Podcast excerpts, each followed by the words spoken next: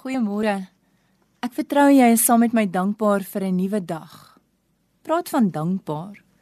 Die woordjie dankie is so eenvoudig.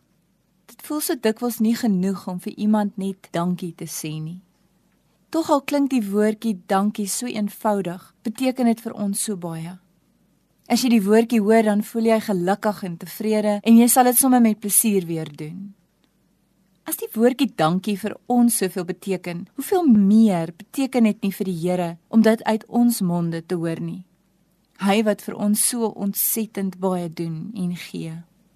Maar so dikwels wanneer ons bid, is ons so besig om vir die Here dinge te vra. En daarmee sê ek nie dis verkeerd nie. Ons moet ons behoeftes aan die Here bekend maak. Maar so dikwels is ons so besig daarmee dat daar min plek is om vir die Here dankie te sê vir alles wat hy reeds gegee het en wat hy reeds vir ons gedoen het.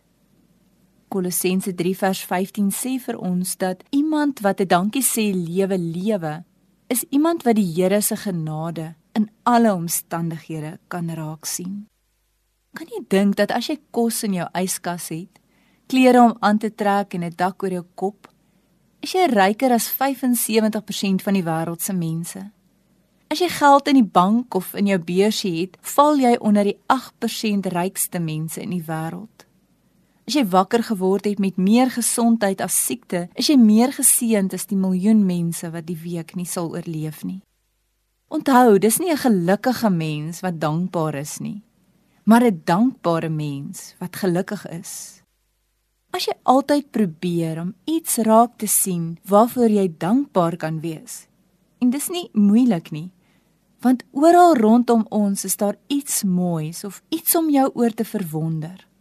Of dit 'n bloeisel is of 'n kindergesiggie wat lag. As jy altyd so ingestel is, is daar nie plek vir lelike dinge soos woede, bitterheid, ontevredenheid, naaiwer en jaloesie nie. As die dinge wel in jou hart is, dan is dankbaarheid basies onmoontlik, want dit gaan nie saam nie. Kan jy dink as jy ver oggend wakker geword het en jy het net die dinge oor waarvoor jy gister vir die Here dankie gesê het? Dit gee mens nogal baie stof tot nadenke, nê? Die Here het ons die geskenk gegee van 86000 sekondes vandag. Kom ons vul dit met dankbaarheid. Onthou, 'n dankbare mens is 'n wonderlike advertensie vir die Here se goedheid in ons lewe.